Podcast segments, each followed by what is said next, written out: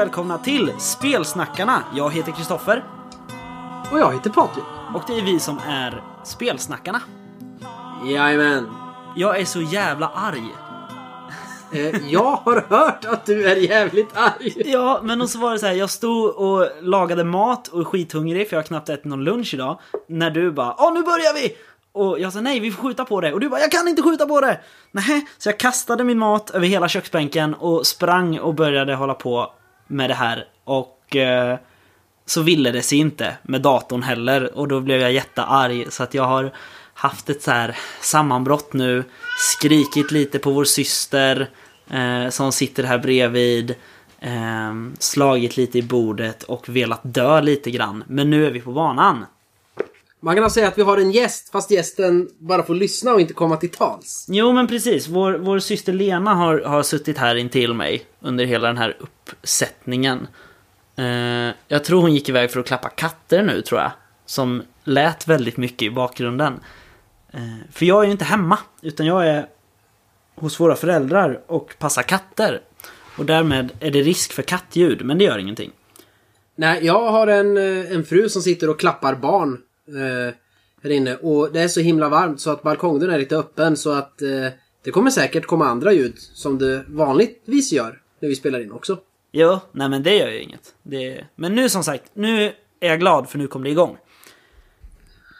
Ja, Ehm, nyheter! Nyheter, ja. Eh, vad finns det för nyheter egentligen? Jag har två. Du har två. Jag är jättedåligt uppdaterad just nu faktiskt. Eh, men ta dina Eh, så får vi se om jag kommer på några, ja, det är några norska grabbar som har en Kickstarter uppe.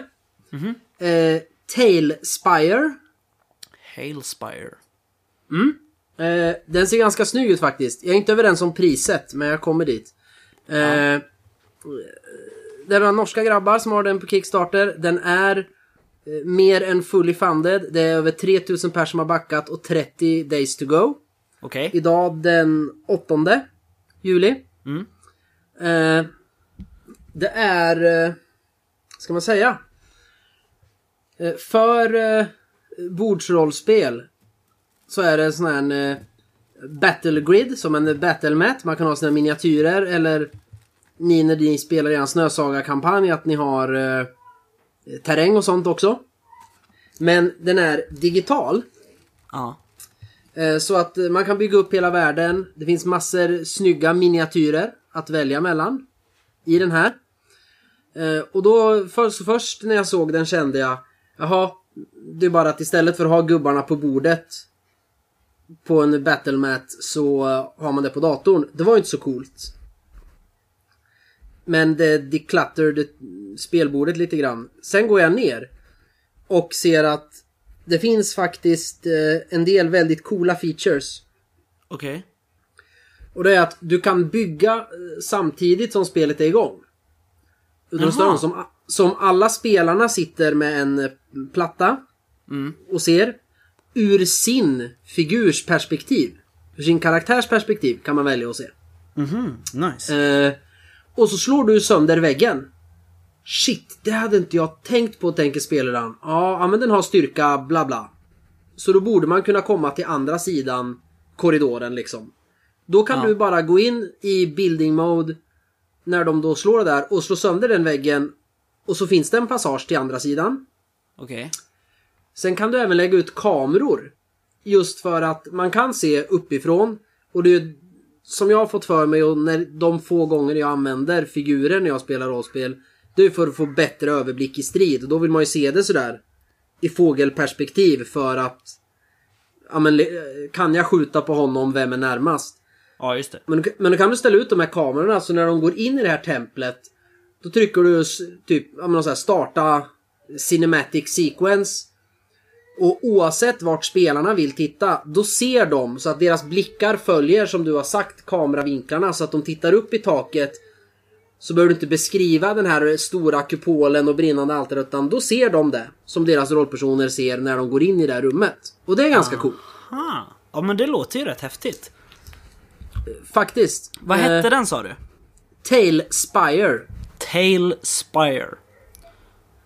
Eh, och eh, Den billigaste backenivån är 9 norska kronor, 10 svenska. Eh, då får du Desktop Wallpapers. Okej. Eh, för 191 svenska kronor, då får man Tailspire på Steam och eh, access till betan. Ja. Och det är ju helt okej. Mm. Jo men det är rimligt, tycker jag. Ja, sen finns det massor andra, så då får man Kickstarter, in-game, dieset och sånt. Men när det börjar bli att det här skulle jag kunna tänka mig att köpa. Eh, det är först om man betalar tusen spänn. Ja. Då får man fem kopior av spelet på Steam när det kommer i april 2020.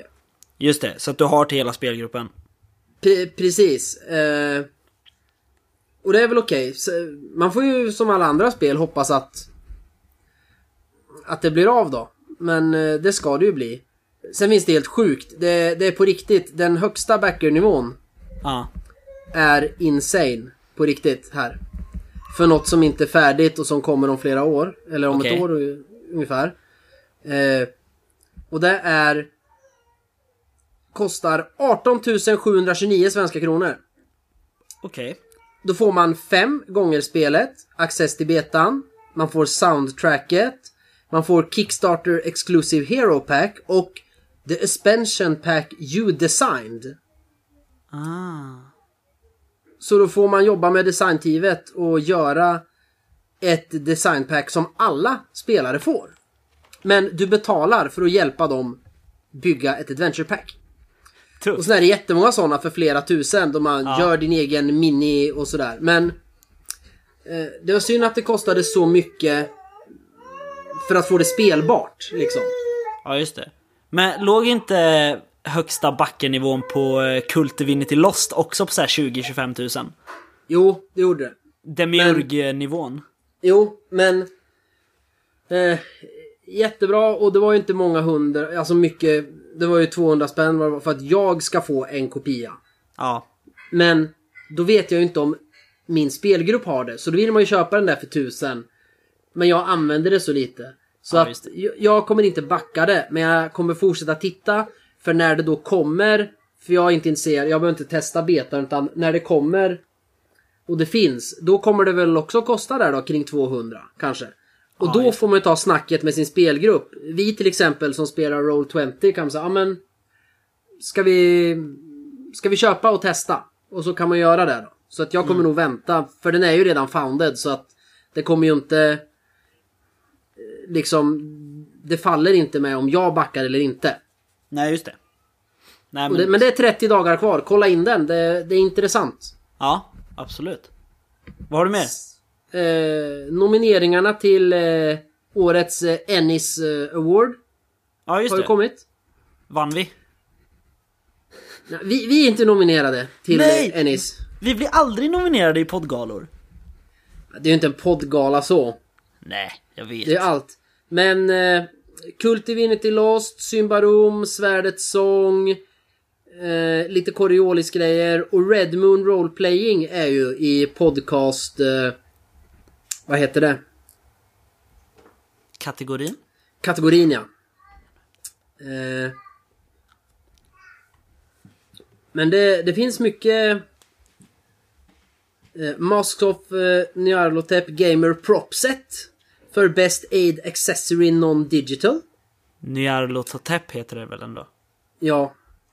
Coriolis, emissarien som försvann, är för Best Art Cover och Cult Divinity Lost också. Det, är, Men- det, är det den censurerade handels... Eh, omslaget i Kult eller är den ocensurerade med bröst? Nej, det står bara 4th edition Core Rules. Ja, men då borde det vara den standard. Ja. Inte Kickstarter exclusive.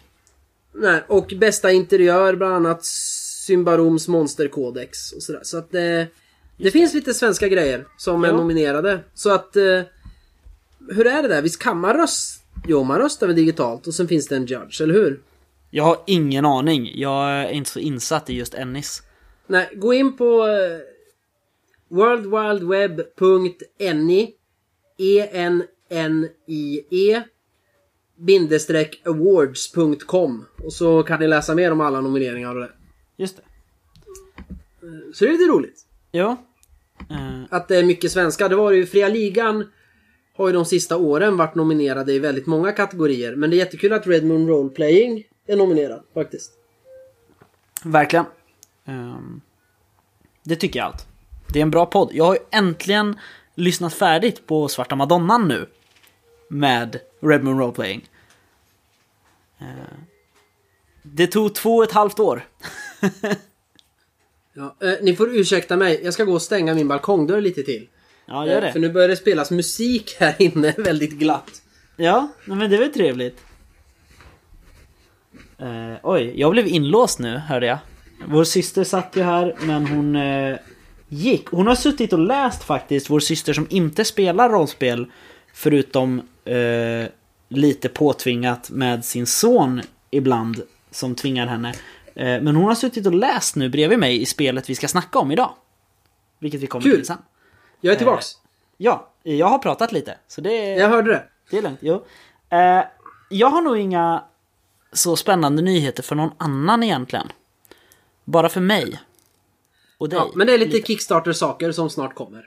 Ja, Vi kommer berätta när allting... Ja men allt har kommit såna här vi väntar på och det faktiskt finns i butik. Det är ju då först det är värt att säga nu kan man köpa alla de här sakerna i affären. Det är Jo. det, är det som är intressant nu egentligen. precis. Eh, det är inte riktigt en rollspelsnyhet, men lite, om man vrider lite på det. Stranger Things säsong 3 finns på Netflix. Eh, och det är en rollspelsnyhet om man tycker det är coolt att de spelar rollspel. Det är också en rollspelsnyhet eftersom det har släppts nu eh, Dungeons and Dragons Stranger Things Edition. Jag tror jag nämnde den förra avsnittet. Ja. Och Lego håller på med Stranger Things Lego har jag sett också. Wow, det är ju ascoolt. Ja. Men eh, så det har kommit också. Sen så eh, är det nog inte så mycket som har hänt egentligen. Men Stranger Things tycker jag är jättebra inspiration till när man ska köra ur varselklotet. Ja, eller Kids on Bikes. Om du har läst det. Nej, jag har läst om det. Det är lite samma, det är barn på BMX-cyklar. Och så händer det shit. Ja. Fast i säsong 3 så har de faktiskt eh, sporthojar med bockstyre. Jag vet, de har blivit lite för stora, tycker jag. Eh, Jag börjar hångla och grejer, usch. Men, nu ska vi inte recensera Netflix-serier. Nej, vad har du spelat sen sist? Ehm, jag har spelat lite grann. Jag kommer ha glömt någonting, det lovar jag. Eh, men det, det är bara två saker tror jag. Tre. Uh, tro, eller? Jag har spelat Dungeons and Dragons, tror jag, med min grupp. Jag minns inte riktigt. Mitt papper där jag skriver ner varje gång har jag slavat bort. Som Eh, vanligt. Ja. Och så har jag spelat Drakar och Demoner. Vi är nu ute på den vildländska slätten för att ta oss mot Vretgård. Är det snö? Ja, det, det är snö. Det har börjat. Det är lite läskigt för att en av våra eh, gruppmedlemmar har haft drömmar om någon svart is. Svart is? Ja, som rör sig. Och så läste vi en sägnen om en ett som hade ett svärd som hette korall eller något sånt. Det är säkert ingenting viktigt. Korallion kanske? Ja, ja det kan det ha varit. Jag är inte säker. Nej men så det har jag spelat. Och så häromdagen så hade vi ett litet minimöte. Jag, vår SL och eh, Olav som är med i gruppen. Ett litet så här, vad ska man säga? Ja men ett... Eh, ett intermezzo liksom, ett litet mellanmöte. Ehm, för att nästan halva gruppen är, är bortresta. Över sommaren. Så vi tre satte oss ner eh, och min, eh, min halvalf eh, Is och eh, tjuven Grimketel gav sig in i Nordanslätt för att skaffa proviant. Och eh, ja, en större samling avskum får man leta efter. Ja. Det är tjuvar överallt. Jag halshögg en man i eh, en sån här hästho för att han hade stulit från oss.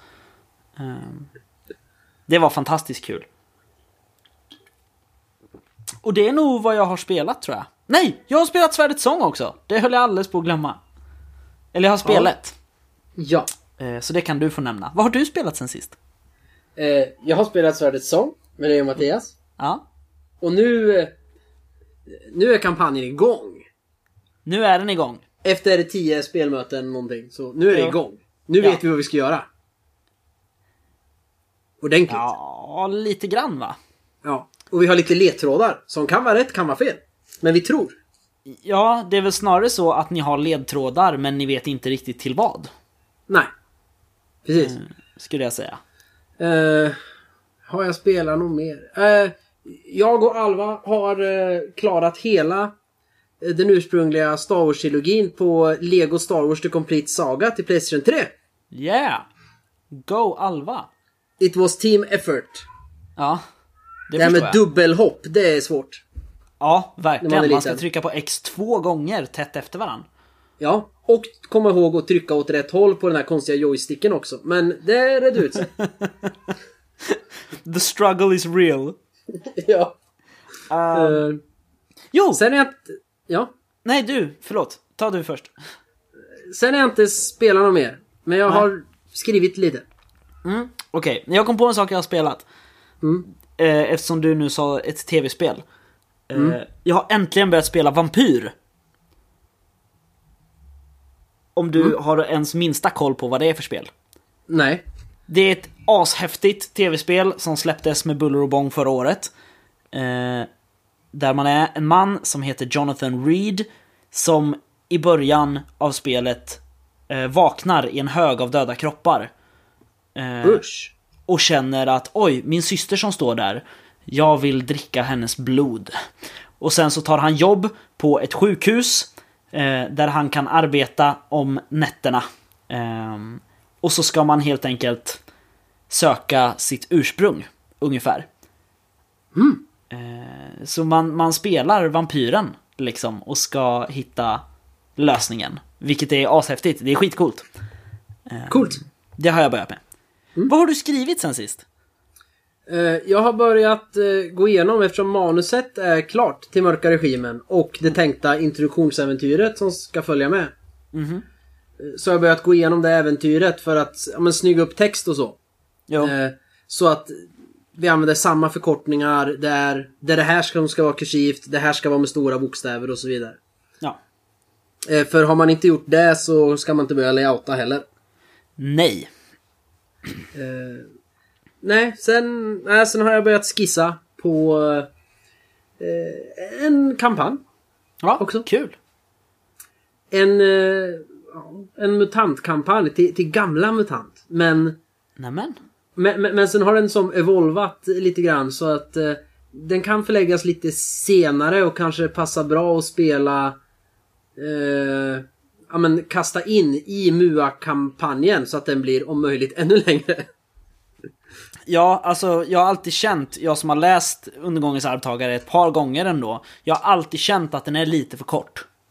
Eller hur? Eh, Ehm, Så det har jag börjat skriva lite. Eh, Ja, vad har du kul. skrivit sen sist? ehm, jag har faktiskt skissat lite på, på uh,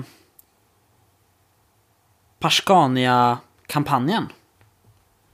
Som än så länge bara är ett rykte egentligen, kan man väl säga. Eh, men jag fick ett så... Ja, jag vet inte, jag såg framför mig de här deläventyren som jag vill att det ska vara. Mm. Ehm, och då skrev jag bara ner det egentligen. Ehm, Ja. Så att eh, jag och Stoffen har ett spel som vi gärna vill bli klara med. Men vi sitter... Men istället för att fokusera helt på det så skriver jag nya saker. Eh, och Stoffen håller på och gör tilläggsmoduler till spelet som inte är släppta. Jo, nej men alltså ja, ja, ja, 100% så är det så. Ja men det är ju så, och det, det, jag tror det är där man måste ta sig i kragen. För det är därför jag börjar med det där också. Nu har vi som skrivit klart texten till Mörka Regimen. Ja, Då, och sen all kreativitet och alla idéer man får, då vill man ju skriva något nytt och börja på en ny kampanjmodul till det eller en expertbok eller skriva ett nytt spel eller något. Fast man egentligen borde ta sig i kragen och göra det där tråkiga eh, sista jobbet för att få det där spelet klart. ja, jo men så är det ju. Nej men alltså grejen är att eh, nu är det lite tvärtom emot hur det var tidigare i våras. För att i våras så minns ju alla hur jag var. Då var jag så här, nej men jag har mycket nu för jag pluggar så att så fort jag slutar sen och börjar jobba då kommer jag ha tid att sitta jämt med regimen. Sen så blev det en massa andra grejer, så nu är det helt tvärtom. Att så fort jag slutar jobba i höst och börjar plugga igen så kommer jag ha massor med tid att sitta med regimen. Ja. Men, men manuset är ju klart och det är ju skönt i alla fall. Nu, Mm. eh, nu ska vi bara bestämma vad vi ska göra av det här. Ja, Fakt, Eh. I princip. precis, så är det ju. Men nästa steg är ju som sagt att beställa fler illustrationer från vår fantastiska illustratör. Ja. Egentligen. Ehm, för då kan vi ju i värsta fall göra en publikt fil på det. Men Oh! det, det är inte det vi ska prata om idag. Jag, Nej! Men jag kom på en nyhet till! Jättefort! Jaha. Hydra nummer 9 är ute. Nej, nummer 8! Ja! Ja! Eh, där det finns ett... Eh, det finns en gudom som heter Sankt Blot. Som är ganska tuff, av Sebastian Lindberg. Eh, det finns ett jättehäftigt grottkräldsäventyr till Drakar och Demoner 84 som heter Gruvdriften i Dale. Som jag har skrivit. Eh, och det finns en utförlig beskrivning av stadsdelen Hanalei till eh, Cyber M77. Så jag tycker att man ska köpa den. Jag tror det är... Är det Hydra 1989.wordpress.com? Tror jag. Annars Så finns det väl på Lulu. Ja, Och- precis. Leta rätt på Wilhelms Games så hittar man det. Ja! Men, vi vill ju öppna en box idag ju. Egentligen. Vi ville öppna en box men eh, vi har typ öppnat alla boxar som vi gemensamt äger förutom några fria ligan-boxar och en lyssnare ville ju inte att vi skulle öppna fler fria ligan-boxar. så vi öppnar eh, boken till en av de, till den lyssnarens spel istället. Ett av den lyssnarens spel. Ja, du har ju inte boken, eller hur? Jag har öppnat pdf-en. Ja, jag sitter ju här med en bok. Det är en väldigt, väldigt stor bok. Alltså formatmässigt. Ehm, Och den är snygg. Vad är det vi ser på framsidan om vi ska vara lite så smyga in i det? Alltså först gillade inte jag omslaget förrän jag hade läst ordentligt och fattat vad det är jag ser. Men vi ser en, eh, en kvinna i någon sorts uniformsoverall och någon häftig automatkarbin som står med vatten upp till fotknölarna och det är orkidéer. Det är vid någon stängd dörr. Det är en man i linne som ser. Hon ser beslutsam ut. Mannen ser lite rädd men ändå beslutsam ut och sitter mot den här dörren som har ett trasigt eh, låsmekanism med kablar utslitna. Ja. Och sen vad det står där uppe. Det kan stå Leviathan eller så kan det stå Leviat Han också. Eller bara Leviatan. Ja, det kan stå Leviathan, det kan stå Leviathan. Jag brukar kalla det för Leviathan. Ja, och det gör ju också skaparen, Robert Jonsson. Ja, då är det rätt alltså. Han säger också Leviathan. Eh, det är ju ett fantastiskt omslag av, eh, vad står det? Chris Björs. Det är skitsnyggt. Eh, det är alltså Leviathan vi ska titta i idag. Ja, av Robert Jonsson. Ja, av Robert Jonsson. Eh, släpp på Mylingspel 2014. Eh, kompatibelt med alla Bortom-produkter. Grejen är att jag har inte läst Bortom så noggrant. Jag har ju den här eh, 52 sidor komprimerade pdfen. Men jag har inte läst så noga så jag... Ja, jag är fortfarande lite så här hur det sitter ihop egentligen. Leviathan och Bortom. Ja. Eh, Jag har också läst den. Och reglerna, inget snack. De hänger ihop. Jo. Det, det är samma grund. Eh, men det är faktiskt en sån sak jag vill ta upp när man kommer in i det att eh, Gjorde han bort dem, sen fick han idén, ja men jag ska göra ett eh, eh postapokalyptiskt spel där man lever eh, under eh, vatten, havsytan. Och så här, och så blev det eh, Just det, jag har ju redan gjort ett spel. Jag tar det regelsystemet och företagen som finns i mitt första spel bortom de får vara med här också så hänger de som ihop. Eller finns det tydligt så att när alla moduler till Leviathan är på, och bortom är på plats så hänger det faktiskt ihop ännu mer. Just det. Eh, det är en väldigt, väldigt bra fråga. Eh, precis, för bortom, eller nej, inte bortom. Leviathan består ju, vi sitter ju med grundboken till Leviathan. Ja. Eh, för den, den består ju alltså av fyra grundböcker som, eller grundböcker, men den består av fyra böcker ifrån början kan man väl säga. Ja. Som jag har förstått det. Och det är ju eh, Leviathan, bok 1. Sen är det Polaris va? Ehm, som är en världsbok, typ. Det vara? Den har jag faktiskt Men- inte koll på. Nej, det var, Skuggstaten var den första, kommer jag ihåg. Eh, och det är ju en... Skuggstaten är terrorgruppen tror jag som håller på... Ja, det är innan eh, Leviathan liksom eh, börjar. Eh, vi, vi kommer in på det. Ja, precis. Eh, och så är det som sagt Polaris och så är det... Uh, vad är det den... eh, under ytan. Eller hur? Heter den sista. Som är en... Den heter ju dessutom volym 1. Så eh, det är en äventyrsbok som jag har förstått det. Jag har försökt läsa på men jag glömde att skriva ner så mycket. Nej, Jag, jag känner knappt igen det du pratar om nu. Det jag får ut när jag läser, det är att det finns ju det som har släppts eh, Svart Svan. Eh, Ja. boken som har kommit nu som handlar om det Mahariska kriget. Mhm. Och sen eh, boken Exodus som jag inte tror är släppt än. Nej, Men som det hintas om. Som ska förklara vilka de här maharerna som har ställt till det för mänskligheten. Eh, deras bakgrund och deras agenda och så vidare. Mm. Eh, för eh, Polaris och Jericho förklaras ju till del eh, med några sidor i grundboken. Ja, jo det gör de ju. Men jag tror att eh, i, i Jericho har inte kommit än. Eh, den ska också komma. Den går att förhandsboka på Mylingspel. Eh, på deras hemsida. Men eh, Polaris har ju kommit och Polaris är ju en bas. Vi kommer gå in mer på, på just det. Men ja, den är släppt i alla fall. Ehm.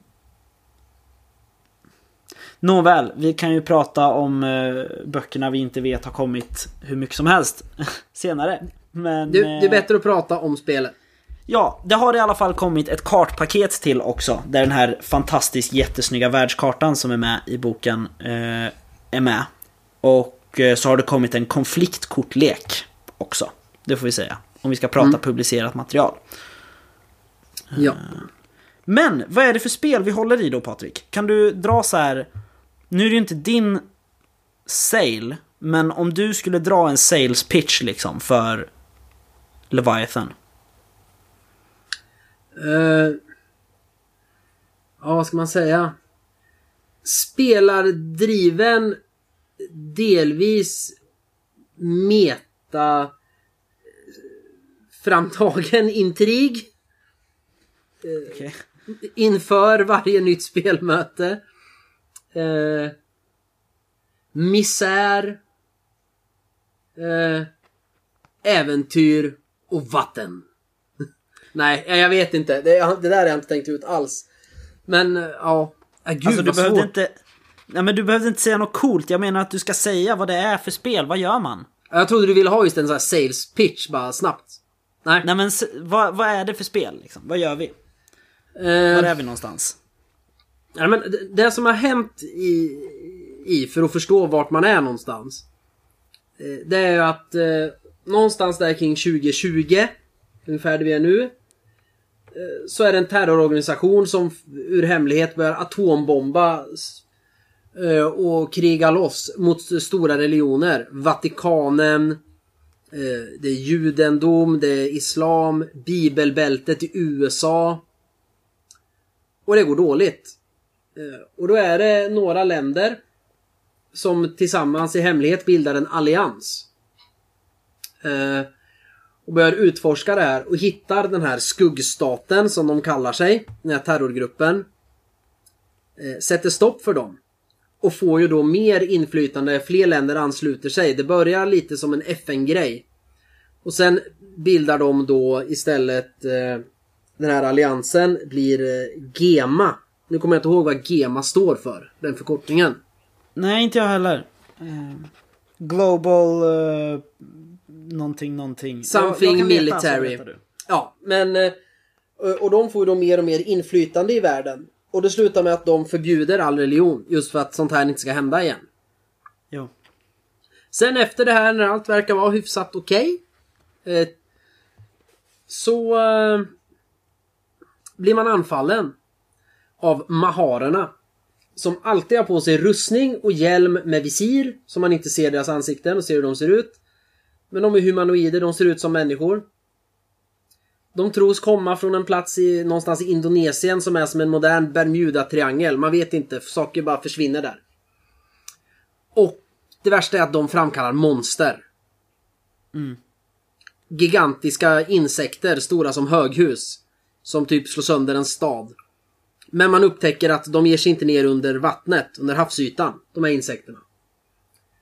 Och så är det ju en man som några år innan det här har, eh, har kommit på hur man gör biosfärer som är självförsörjande under havsytan. Så Gema bestämmer sig, man står där i valet, ska vi slåss till sista blodsdroppen och kanske vinna eller ska vi rädda mänskligheten? Ja, vi räddar mänskligheten och ser man sig ner under havet. Och sen under där så blir det, där man hamnar i när man börjar spela, det är ju...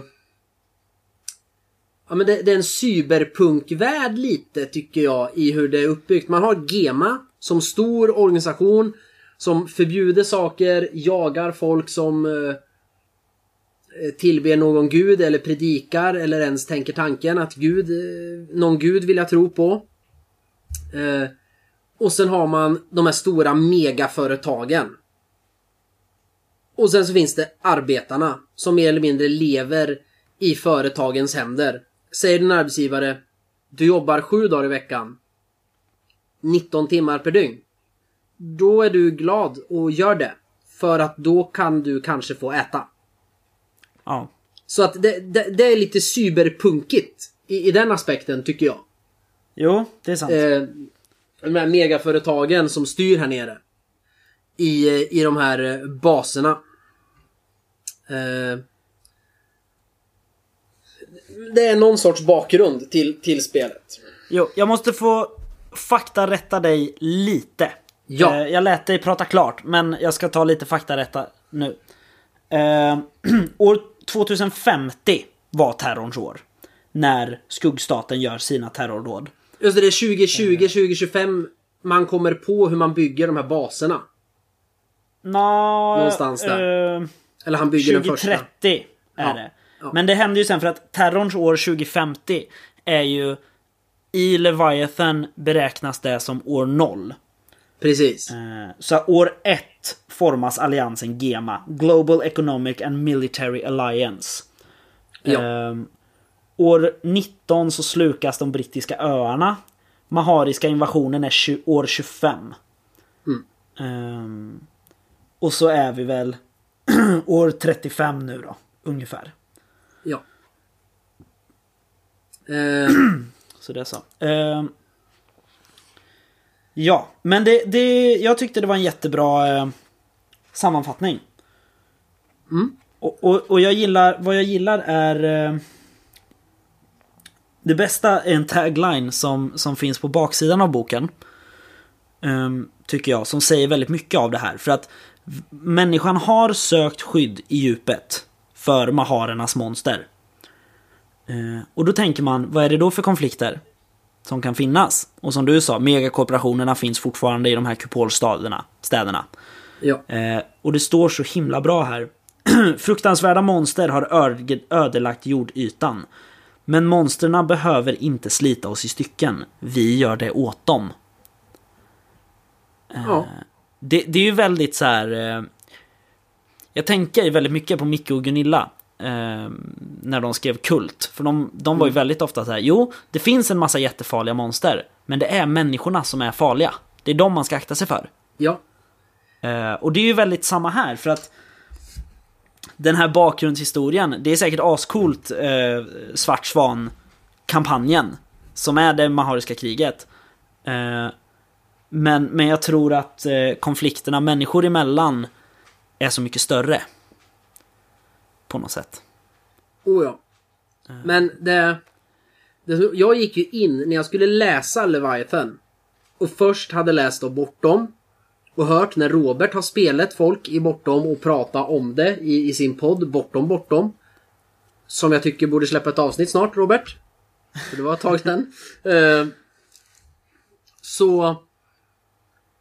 Så först kände jag, okej. Det här är ju ett skräckrollspel. För det är som en fortsättning på Bortom. Jo. Det är det som är fokuset. Sen när man börjar höra på det, höra när folk spelar så bara nej, alltså det, det är postapokalyps fast under vattnet. Coolt. Sen när man faktiskt läser så kommer jag fram till det att nej, för mig, det här är cyberpunk. Om jag ska Ja. sätta det i en genre. Det är mer cyberpunk än postapokalyps, tycker jag. Ja, men det är det väl. Alltså, Lite åt rotsystem-hållet eh, nästan, om man ska jämföra med något. Alltså i, i, i, världen och hur man är instängd och, och sådär lite. Jo, sen tycker ju jag att av de postapokalypsspel eller av de cyberpunkspel jag har, har kollat in så är det ju en postapokalyptisk grund. Ja, men det är det ju. Eh, liksom, så, så settingen är ju väldigt postapokalyptisk. Ja. Vi har behövt söka oss ner i djupet liksom. Ehm, Men ska, ska vi... eh, Ska vi lite snabbt dra över själva spelreglerna för att spela en karaktär? Det finns ju väldigt mycket mer och enligt regelboken större spel än karaktärsspelet. Eh, Men ska vi, ska vi prata lite om hur det är uppbyggt? Själva systemet? Mm. Eh, Det är ju som bortom. Man har eh, tre stycken egenskaper. Ego, kropp och utstrålning. Ja. Och man kan ha, man har ett värde mellan 1 och 10. Ehm, och 0 är det lägsta. Men får man 0 i en egenskap så är man död eller på ett annat sätt utanför spel. Man kan inte vara med och spela den här karaktären längre. Nej, man kan ha fått en hjärnblödning, blivit helt koko eller någonting. Ja. Eh, sen så finns det tre färdighetskategorier, eller fyra egentligen. Det finns fem stycken, nej sex av varje. Det finns sex stycken fysiska färdigheter, alltså strid, rörlighet och så vidare. Eh, sex stycken intellektuella färdigheter, medicin, ockultism och så vidare. Och sex stycken sociala färdigheter. Ja, och de kopplas konstnärlighet, ju- lingvistik. Ja. Och de kan kopplas till en av de tre grundegenskaperna. Eller egenskaperna. Precis, så skulle jag använda eh, interaktion som social färdighet så skulle jag ju blanda det med egenskapen utstrålning. Till exempel. Ja. Eh, vi ska prata om hur man blandar dem strax. Sen finns det ett utrymme för esoteriska färdigheter. Eh, och det är ju eh, helt enkelt sånt du kan på grund av din... Vad ska man säga? Din klass. Ja. I princip. Ehm. Men att slå tärning då i Leviathan och bortom Patrik, är det det svåraste du har gjort i livet? Nej, och framför allt så är det så bra. eh, tycker jag. Att det är tydligt att eh, normalt sett slår man inga slag. Nej. Utan man delar in eh, hur duglig man är i en färdighet i kunskapsnivåer. Ja. Man, har man två i en eh, färdighet så är man duglig. Har man fyra är man erfaren och så vidare. Och har man tio så är man mästare. Precis. Och det, den kunskapsnivån. Eh, då är det helt enkelt så att eh, spelaren får ju säga då. Ja, det här kräver kunskapsnivå 8 i... Eh, vad ska vi ta då? Humaniora. Ja, För att lyckas med. Ja, du har 8. Ja, då klarar du ju det. precis. För det var det som krävdes. Men! Ibland vill man ju ha ett slumpmoment. Eh, när det är strid eller annan konflikt eller det är något som står på spel. Du ska inte bara ta en promenad här på gatan som du brukar utan du ska springa medan du blir jagad av någon och akta dig för deras pistolskott. Då bör du slå ett tärningsslag. Eh, och då slår man en T6 och lägger ihop, eh, lägger till tillslaget där du har i eh, den egenskap av de tre som eh, det berör och vad du har i färdigheten. Ja. Och då pratar vi istället för kunskapsnivåer pratar vi då svårighetsgrader. Som man ska nå över. Ja, precis. Då ska du slå på den istället. Precis. Ett lätt slag 10, svårt slag 15 eller mer, mycket svårt slag 20 eller mer och ett absurt slag då ska du få över 25. Ja. Vi ska säga, färdigheterna mäts ju också mellan eh, 0 och 10. Och där är det så att försöker du något där du har noll i en färdighet då får du minus 2 eftersom du inte kan. Alls. Precis. Eh, och sen Men man- så hör det ju ett par specialiseringar också till, eh, till alla färdigheter. Ja, och de funkar ju så att istället för att få mera plus så får du lägga till ytterligare en T6. Om du kan motivera att du använder din specialisering. Ibland väl. Ehm, en del har väl lite särskilda grejer va? Jo, att du måste ha något vissa, men, men grunden är att du... Har du en, en specialisering som funkar till det du vill göra så får du slå två T6. Just det. Precis. Ehm, Sen, det behöver vi inte gå in på, men det finns väldigt många sätt. Det finns fummel, misslyckat, marginellt lyckat, lyckat och perfekt. Så det finns ganska många. Det är helt enkelt bara olika grader av att lyckas. Det, alltså, det är ju som alla andra spel. Det Ja, handlar man- om- om en ja. slags marginal i det. Ja, precis. Men det finns fem olika nivåer för hur väl man kan lyckas. Ja. Eh, och sen så finns det ju skräckslag också. Ja, som funkar som i bortom. Ja, precis. Och det funkar väl som så att det är tre nivåer. Omskakande, chockartade och fruktansvärda skräcknivåer. Eh, Ja, det, det är... eh, ja, det är de, väl mer... De du läste nivåer, upp, det är ju typen av... Av skräck. Och det finns... Det finns väl... Det finns fyra sorters skräck. Då har de fem stycken allmänna skräcknivåer. Ja. Eh, har du noll så är du helt oberörd. Har du fått fem så har du blivit väldigt nervös. Mm. Eh, och när du får fem skräcknivåer så ska du istället placera ut dem i någon av de tre reaktionerna chock, galenskap eller stress. Just det. Vartefter du får fler. Ja. Eh, och så kan du ju... Och det här har jag lånat till del, till Mörka Regimens. Det, det är inte likadant, men det påminner om det. Inspirerat av. Ja, utan det är till skräckslagen att det finns tre nivåer av obehag och det är omskakande, chockartat och fruktansvärt. Och det är vilken svårighetsgrad du måste lyckas med på ditt tärningsslag för att inte ta en skräcknivå. Just det. Och det är omskakande, chockartade och fruktansvärda. Precis, medan skräcknivån är den allmänna och sen är det chock, galenskap och stress. Just det. Och de är ju lite... Det, de svårighetsgraderna är 7, 10 och 13. Så det skiljer sig ju lite mot, eh, mot vanliga tärningsslagens Mm. svårighetsgrader. Men det är för att det ska bli, om du har till exempel något som är fruktansvärt, svårighetsgrad 13. Ja. Får du då ett marginellt lyckat slag, då tar du två skräcknivåer. Ett misslyckat tar du tre och i ett fummel tar du fyra. Ett Ja. omskakande som är sju. Då får du noll skräcknivåer vid ett marginellt lyckat, en vid misslyckat och två vid fummel. För hade man haft fem, 10 och 15 så hade det varit när det börjar omskakande så hade det varit så lätt gissar jag för de flesta att uppnå 5. Så att då hade man aldrig fått någonting. Chockartat hade varit samma. Men hade fruktansvärt varit på 15 då är det en ganska hög svårighetsgrad så då har man sänkt den till 13. Jag gissar att det är därför. Jo. För att man ska ha... Ja men... Man ska få effekterna. Man ska faktiskt kunna misslyckas med slagen.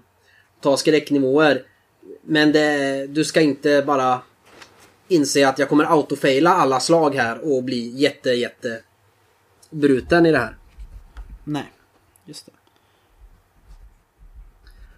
Sen, sen tar det ju ganska lång tid. Eh, eh, De allmänna skräcknivåerna återfås i takt av en skräcknivå per vecka, men det tar en månad att få tillbaka en skräcknivå om ni gjort kryss för reaktionerna. Jo. Men vad, vad gör skräcknivåerna då? När du kryssar i en skräcknivå.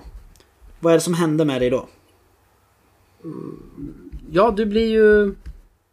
Tar du i stress så... gör, genomför du ju icke-logiska eller genomtänkta handlingar. Eh, sen eh, så får du ju... Eh, så det är hur du spelar ut det. Sen, sen får du permanenta effekter också. Om du nå, får fem skräcknivåer i chock, galenskap eller stress så får du en permanent åkomma fast även om du kan återhämta skräcknivåerna. Och då väljer man ett eh, symptom på lämplig mentalsjukdom eller tvångstanke. Som ska passa in på hur du gestaltades under sammanbrottet. Det är det som står och det är där jag tycker Systemet är ändå ganska straightforward och enkelt. Jag gillar det. Men sen står det så lite. Man, man gör så som jag egentligen vill göra med mitt system också. Att det Robert gör här är att han släpper mycket på spelarna. Att själva liksom spela ut sin skräck och få in det i spel att de, att de blir mer utsatta för det här. Och mår psykiskt sämre. Men det blir inte så mycket stöd och hjälp. Hur ska jag göra? Nej. Det står bara, ja du får en permanent åkomma. Välj symptom på lämplig tvångstanke eller mentalsjukdom. Okej, jag blir eh, kleptoman. Ja. Och sen så spelar man som inte ut det där, för ja, jag skrev här kleptoman. Jag hade sett mer verktyg, hjälp, alltså den här delen om skräck skulle varit någon sida till. Eh, där det kanske inte behöver vara regler för det. Det behöver inte vara att man blir paralyserad och grejer, utan det är bra som det är. Men lite stöd här till hur ska jag få in det här? Antingen till spelledaren eller direkt riktat till spelarna. Att så här kan du gestalta mer utförligt när du tar fler nivåer i galenskap. Just det. Till exempel. Det hade jag gärna Ja. sett. Eh, och det tycker jag generellt kopplat till reglerna i Leviathan. Eh, det, nu, nu, jag ska inte, alltså, det är inte ett dåligt regelsystem. I, i Bortom eller Leviathan. Jag tycker Leviathan det är helt okej o- om man nu bara tittar på själva karaktärsspelandet. Ja. Det, det är bra regler liksom. Det, det är inget snack om det. Men hur det är skrivet. För reglerna förklaras. Men det är inte så mycket mer än det och man kan få läsa ganska långt innan man, ja, innan man kopplar ihop allting. Man måste läsa hela kapitlet innan och sen när man läser det andra gången så bara aha, så här hänger det ihop. Däremot, och det, med det säger jag att Robert Jonsson är ju en världsskapare och intrigmakare. Ja. Och där är det ju riktigt bra. Och det märker man när man läser boken. Även i reglerna så är det ju hela tiden insprängt eh, fakta och stämning och allt bygger på det. Han har ju skapat en, en värld och stoff till hur många gigantiska kampanjer som helst med fokus på tusen olika saker. Och delvis med hjälp, mycket hjälp av de här reglerna. Men hur reglerna är skrivna. Det tycker jag är... Där hade jag kunnat se att man hade gjort det på ett annat sätt när man hade skrivit ihop reglerna. I, i bokform. Ja, just det. Men- ja, men jag tror jag förstår hur du menar. Ja, men i övrigt så är Leviathan... eh, Jag vill ju köpa alla delarna eh, som finns, allt som finns, bara för att få läsa all text som en fantastisk berättelse och världsbygge. För det är riktigt jädra bra. Jag är helt kär i det här spelet. Ja, det är så här att alla kapitel i den här boken, den är på drygt 300 sidor. Alla kapitel börjar ju med eh, stämningstext inifrån världen. Mm. Eh, vilket är jättehäftigt. Det är ju små berättelser liksom. Det är jättesmå noveller. Ja men liksom. på en till tre sidor liksom. Ja, eh, det är helt fantastiskt. Men, vi är kvar i reglerna. Vi hoppar till kapitel 2 lite snabbt bara. Ja. Tycker jag. För att det är ju så att det är ju inte bara rollpersonerna emellan som är det viktiga. Utan det är ju också basen som är viktig. Hemmet. Precis. Hur ska man förklara det? Man har, rollpersonerna har befäl över en bas. En undervattensbas. Ehm, och det är ju det är den man ska skapa först egentligen. Eh, som jag har förstått av rekommendationer från Robert. Jag tror det står det i boken också. Även om, om karaktären... Nej, reglerna är först. Eh, först är det regel, sen är det basen, sen är det karaktärerna. Ja. Eh, så det första man gör det är att skapa sin bas med funktion och tema. Det är lite som skeppen funkar i Coriolis ungefär. Fast för en undervattensbas. Ja, och så är det ju metaspel. Det, det, det, det, det är lite som ark-grejen i eh, Mutant och Noll. Fast här är det mycket mer centralt för hela spelet. Basen, har du inte... Precis. Om du vill spela Leviathan som det är skrivet. Så måste du ha en bas och du måste lägga tid och gör, hålla på med basen. För det är det som mynnar ut i alla berättelser så småningom. Ja. Det är väldigt eh, tydligt. Den har en mycket mer central roll. Det är inte bara ett litet sidometaspel som arkprojekten är i MUTANT. Utan här är det verkligen en del av hela spelet. Ja, och det föreslås gång på gång att det är härifrån konflikterna ska komma. Det som är era äventyr. De kommer i basen. Ja. Ehm, för man, det finns ju olika typer. Det finns sju förslag. Ja. Biosfär, fabriksstation, forskningsbas, handelsstation, kupolstad, militärbas och rekreationsbas. Jajamän. Ehm, och det är funktion och tema. Och så ska det finnas maktstrukturer. Ja, det kan vara en privat bas, företagsbas eller en GEMA-bas. Och beroende på vilken man väljer så får man flera baspoäng. En, en privatägd bas, då får man 25 baspoäng. En GEMA-bas får man 100 baspoäng. Och för dem kan man sen köpa personal, skepp, flera moduler eller enheter som det heter. Eh, Bestyckning, skydd eh, och kontaktnät. Inkomster. Ja, precis. Och så vidare. Ja, eh, och så ska man välja två utmaningar och ett hot mot sin bas. Vilket ju också är helt liksom... Eh, aktörerna bestämmer vilka utmaningar och hot som finns. Det behöver inte vara fysiska utan kan representera hot som nedläggningar eller att basen riskerar att bli uppköpt av ett fientligt företag. Eh, Jag måste bara få läsa en rolig liksom- grej när man fortsätter. ja, Man Ja. väljer ju som sagt typ av bas först, sen ska man välja tema. Under Kupolstad finns till exempel olika, då kan man välja Temat är manipulatörer, vårdarna eller övervakare. Under då temat övervakare så börjar det med Välkommen till 1984, där storebror ser dig! ja, jag älskar Det det. är helt underbart! Eh, För er som inte har läst 1984, gör det! Ja, verkligen. Fortsätt Kristoffer! Jo, nej men det, jag var nästan färdig. Alltså det, det, det är det jag sa. Och att det finns utmaningar. Det är liksom... Det, utmaningar är alltså en regelteknisk grej som gör det svårare för rollpersonerna att handskas med hotet. Ja. Ehm, så om, om hotet till exempel då, om vi väljer det värsta först. Så kan vi välja pirater. Ehm, I närheten av basen här är en armada av plundrande pirater. Ehm, ett troligt mål för piraterna är att plundra baser och skepp på deras rikedomar. Och en utmaning då till exempel eh, kan vara eh, Ja, eh, Lady Fahrenheit till exempel. Som är en brottsling nere i havet, en skoningslös smugglare. Som kan ha ett högkvarter på basen. Och den utmaningen hänger ju ihop med hotet om pirater. Att hon är piratdrottning.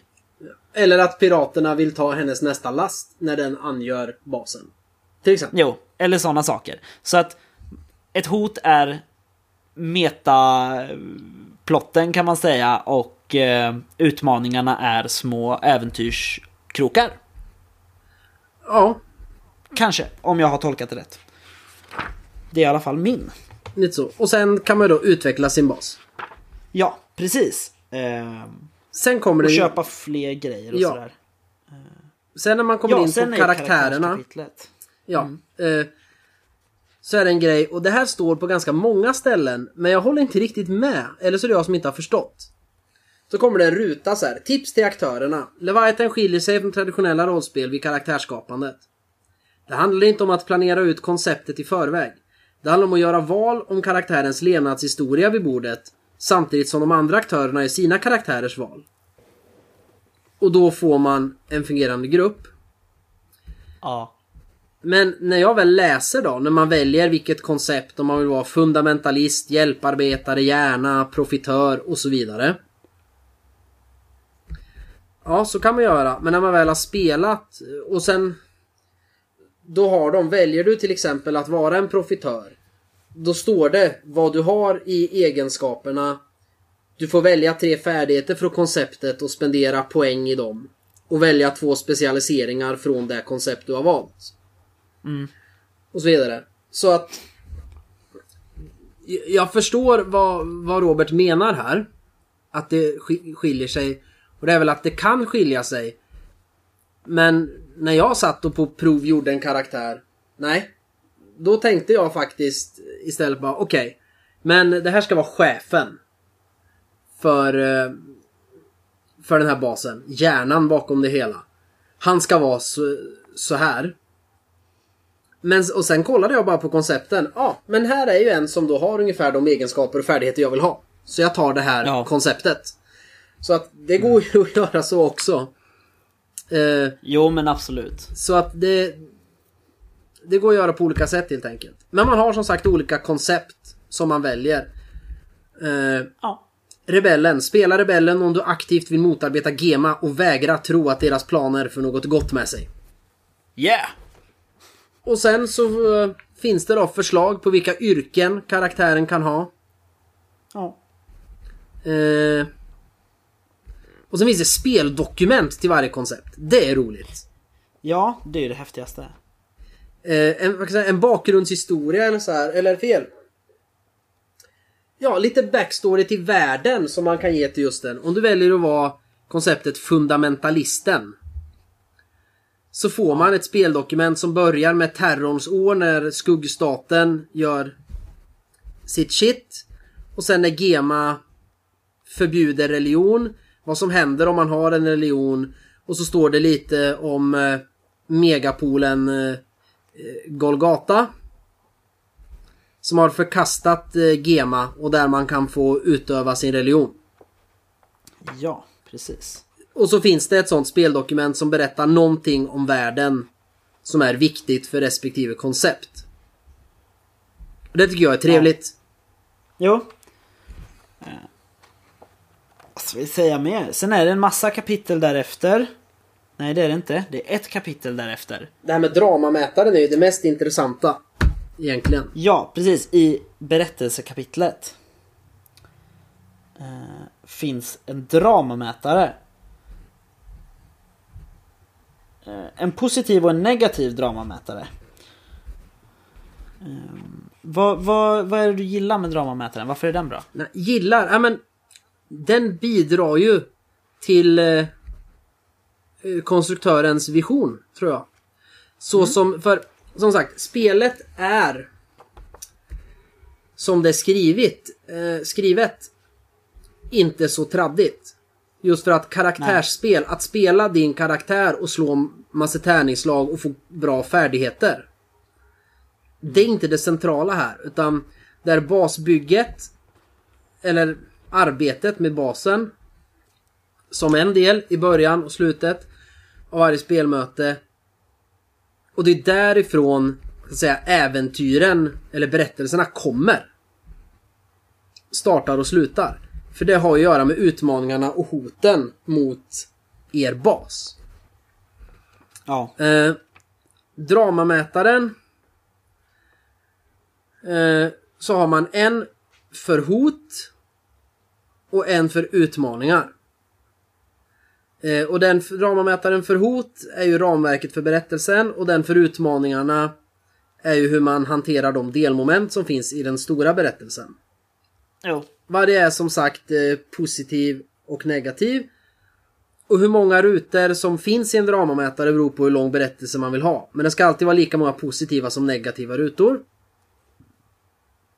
Eh, den, det står här att den kan sträcka sig från 1 till 10 kryss. En ruta är en långfilm och 10 rutor positivt och 10 negativt. En tv-serie. En lång tv-serie. Ja.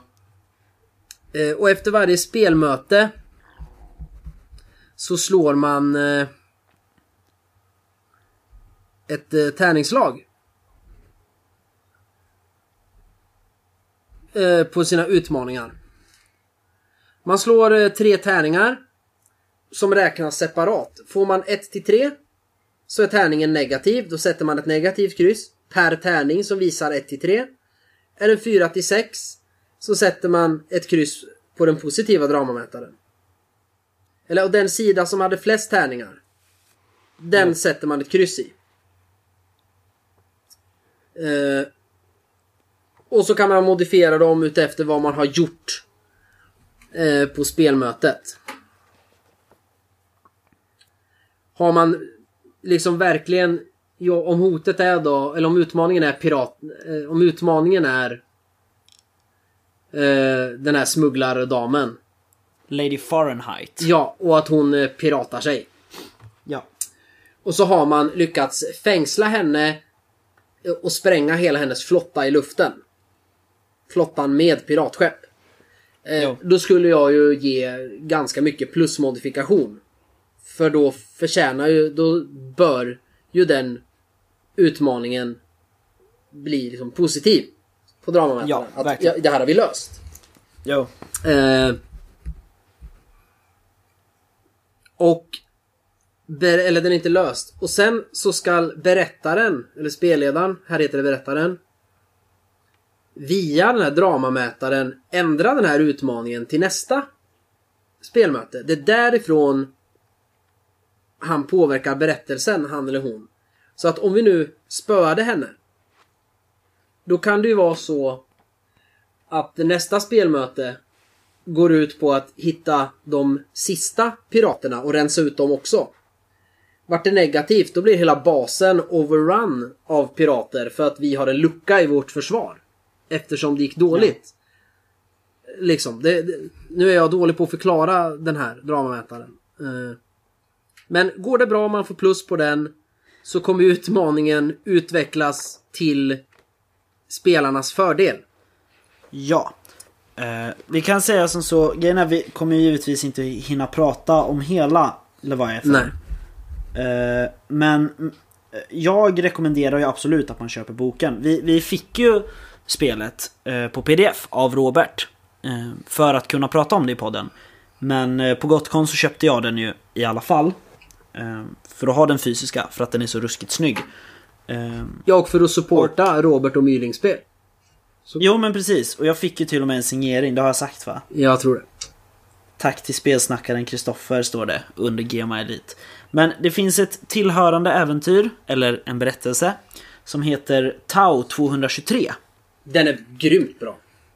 Den är väldigt grym. Eh, Jag hoppas verkligen vi får spela den så kan vi prata mer om hur vi har upplevt reglerna och sådär. Jo. Eh, Vi får sätta tid till det. Ja, men dramamätaren är cool i alla fall. Eh, Jo men det, det var det jag skulle säga att i den här så finns det ju, den är ju uppdelad i eh, i olika akter. nu kommer jag inte ihåg hur många akter det var. Det är nog fyra akter Ja. tror jag. Och där finns det ju då i början av varje akt så finns det en liten ruta. Konsekvenser, dramamätare. Så att det står så här, ja... gud. Jo men, eh, utan att spoila för mycket, men det står positiv på en grej. Under vistelsen här och kliniken så gör den här varelsen sitt bästa för att hjälpa karaktärerna för att få reda på vad som händer. Mm. Alltså på positivt på dramamätaren. Och negativt.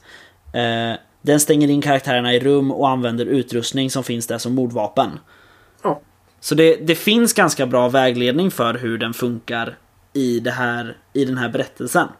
Ja, och f- fyller man upp, blir utmaningen... Det, hur, hur det går på dramamätaren för utmaningen påverkar ju sen hotet. Ja. Och när hotmätaren är fylld fullt negativt eller positivt, då är berättelsen slut. Ja. Och- Och det är det som står så bra att det, man vet inte hur lång tid det kommer ta att spela. Riktigt. Man vet aldrig hur lång berättelsen blir. Mm. På grund av att dramamätaren fylls i olika snabbt. Ja, sen finns det ju tips på um, i vilken ordning man gör saker i en berättelse när man skapar eh, sin bas, maktstrukturerna, sina karaktärer, lite frågor, inledning och prolog och det trycks igen här på att det här skiljer sig mycket från andra rollspel. Mm. Ja, det kan Leviathan göra. Leviathan kan skilja sig. Om man väljer att använda sig av det här fullt ut.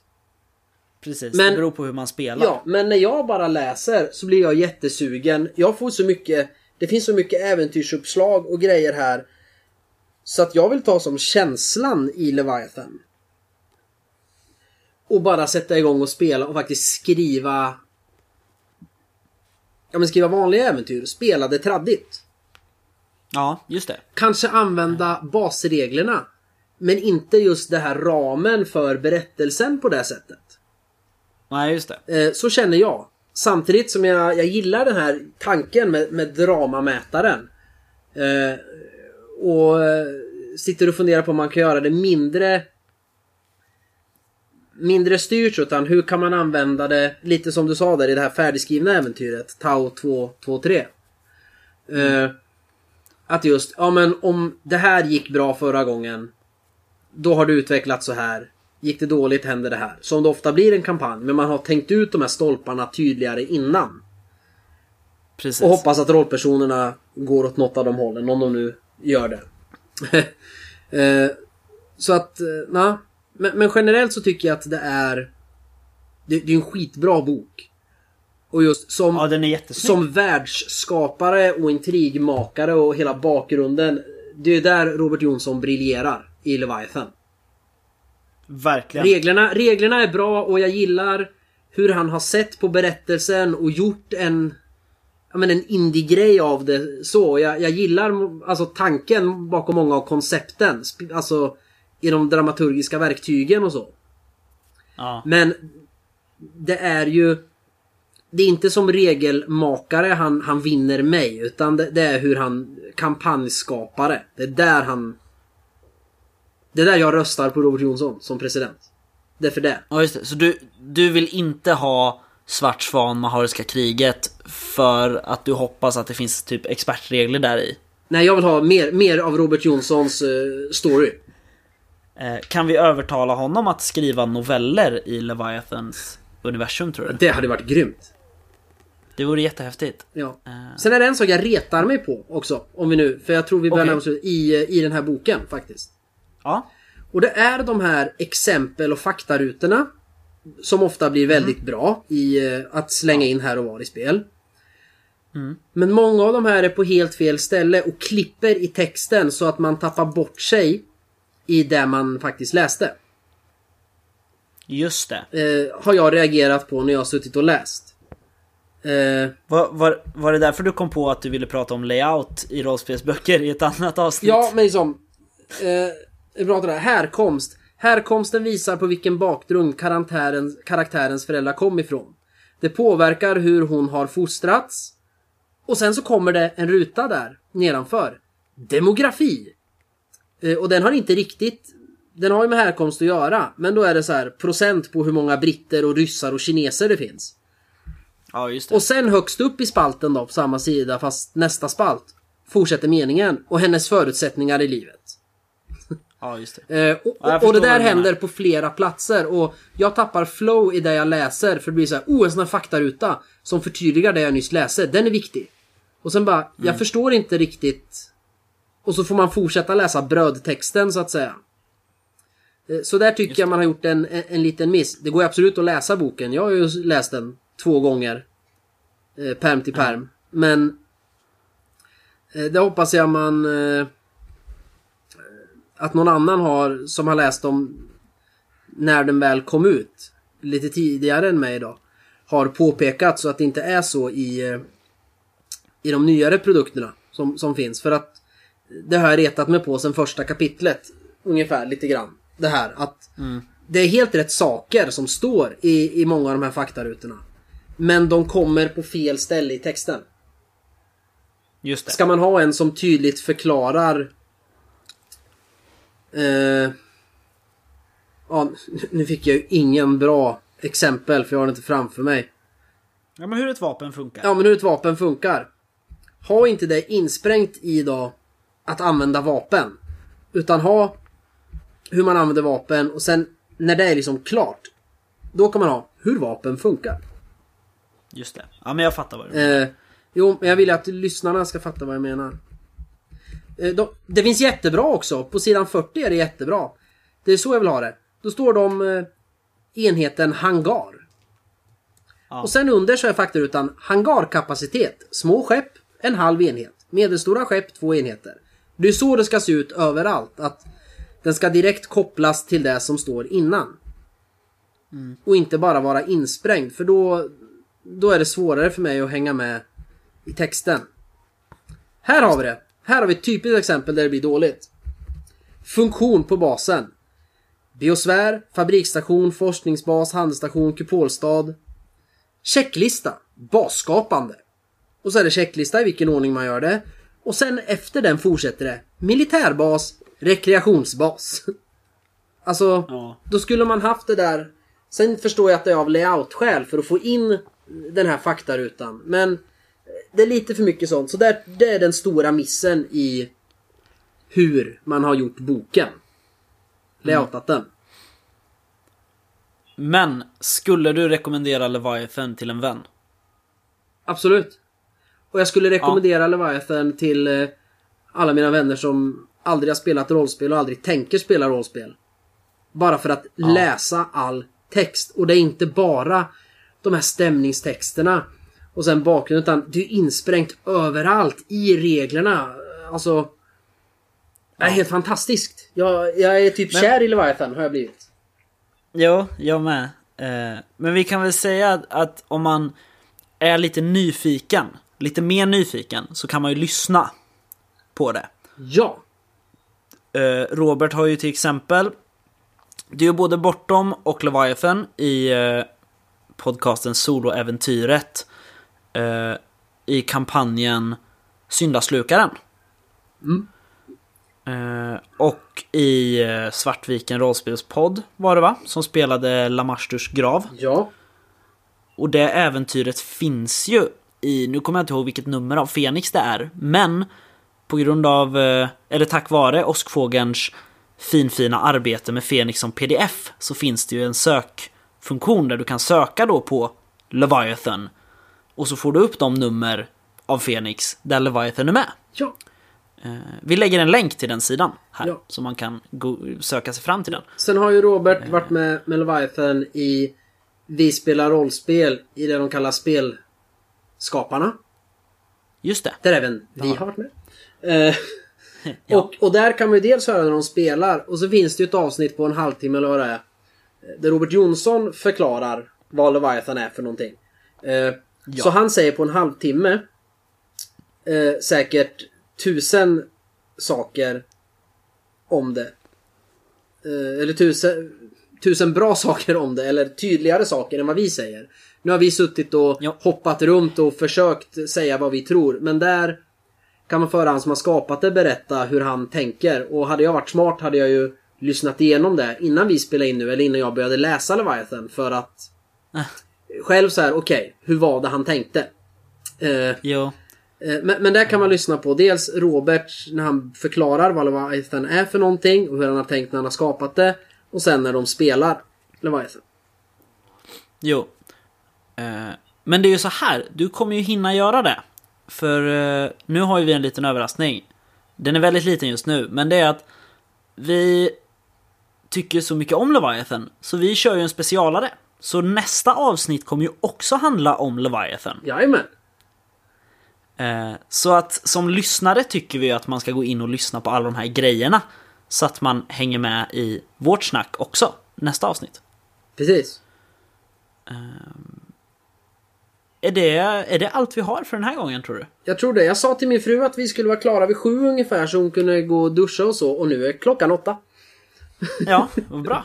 Eh, men vi är Spelsnackarna som sagt och eh, vill man oss någonting så kan man ju gå in på vår Facebook och eh, antingen skriva ett meddelande eller lägga en kommentar under det här avsnittet. Man kan också mejla oss på spelsnackarna.gamer.com. Det kan man göra. Ja, så vi hörs om eh, två veckor. Det gör vi. Hej då Kristoffer! Hej då Fredrik!